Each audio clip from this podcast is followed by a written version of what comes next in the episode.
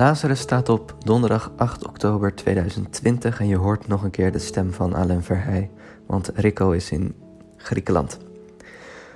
Het is uh, zes uur ochtends. Ik open de Bijbel voor de lezingen van vandaag en ik stuit op een fraaie openingszin. Domme Galaten, wie heeft jullie behekst?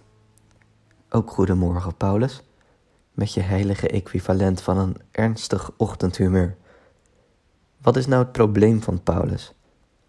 De gelovigen daar in Galatië zijn in hun geloof te veel nadruk gaan leggen op religieuze wetten, op rituelen, en daar maken ze ruzie over, ze besteden er al hun tijd aan en ze wijden hun leven eraan. Hoe kunt ge zo dom zijn? roept Paulus nog maar een keer. Het gaat niet om al die wetten, zegt hij tegen zijn volgelingen. Het gaat om de geest, zegt hij.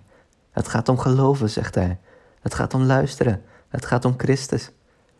Het gaat kortom om alles behalve wetten. Voor Paulus staat hier veel op het spel. De vreugde en vrijheid en genade die hij in Jezus' naam verkondigt, die raken ondergesneeuwd bij de Galaten. In plaats daarvan krijg je drammerige ijver. Ze focussen op wie ze moeten zijn, wat ze moeten doen, in plaats van vrolijk de vruchten te plukken die de goede geest hen aanbiedt. Die geest, die kan de wereld verbeteren, de wetjes niet.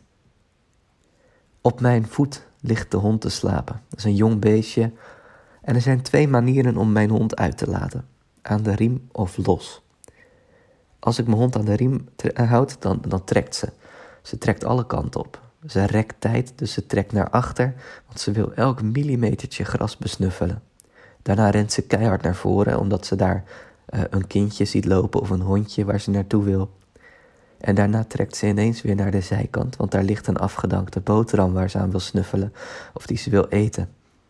Dus ik heb er aan de riem, maar toch is het een frustrerende manier van uitlaten. Het helpt geen donder, die riem. Nou, die riem staat voor de wet, voor de externe motivatie. Laat ik mijn hondje los, dan verandert dat. Ze huppelt vrolijk rond, maar ze blijft altijd met een schuin oog naar mij kijken. Nu er geen dwingende riem is, geen wet, weet mijn hondje ineens dat ze zelf in mijn buurt wil zijn dat ze mij onder geen beding wil kwijtraken. Dus daarom gedraagt ze zich eigenlijk beter als ik de teugels laat vieren. Dat is paradoxaal, hè? Loopt ze los, dan heeft ze een interne motivatie. Dat is dan niet dat tuigje onder haar keel, maar het is haar eigen geest die haar gehoorzaam laat zijn. Hij die de geest verleent aan u en onder u wonderen werkt, doet hij dat omdat ge de wet onderhoudt of omdat ge luistert en gelooft, zegt Paulus luistert en gelooft. Het gaat tussen ons en God en al het goede om een vertrouwensband, niet om een werknemersrelatie. Stel je voor, zegt Jezus in de lezing van vandaag, dat je plotseling een vriend op bezoek krijgt. Dan wil je die vriend iets te eten kunnen aanbieden, toch? En als je even niets in huis hebt, hè, omdat je uh, die vriend niet verwachtte, dan vraag je een andere vriend of je even wat kunt lenen. En dat mag dan wel omdat die vriend jullie wil helpen of omdat die vriend geen zin heeft in gezeur. Allemaal hartstikke logisch. Mensen helpen elkaar gewoon. Daar komt geen wet aan te pas. Jezus maakt het nog een stukje simpeler. Als je kind je vraagt om vis, geef je geen slang. Als je kind vraagt om een ei, geef je geen schorpioen, nogal wie dus. Je houdt van je kind, je kind heeft trek, je geeft het iets normaals te eten. Zo werken liefdesbanden. En zo werkt God, zegt Jezus. Als gij dus of schoon geslecht zijt, goede gaven aan uw kinderen weet te geven, hoeveel te meer zal dan uw Vader in de hemel de Heilige Geest geven aan wie hem erom vragen. Dat is waar het om draait met God.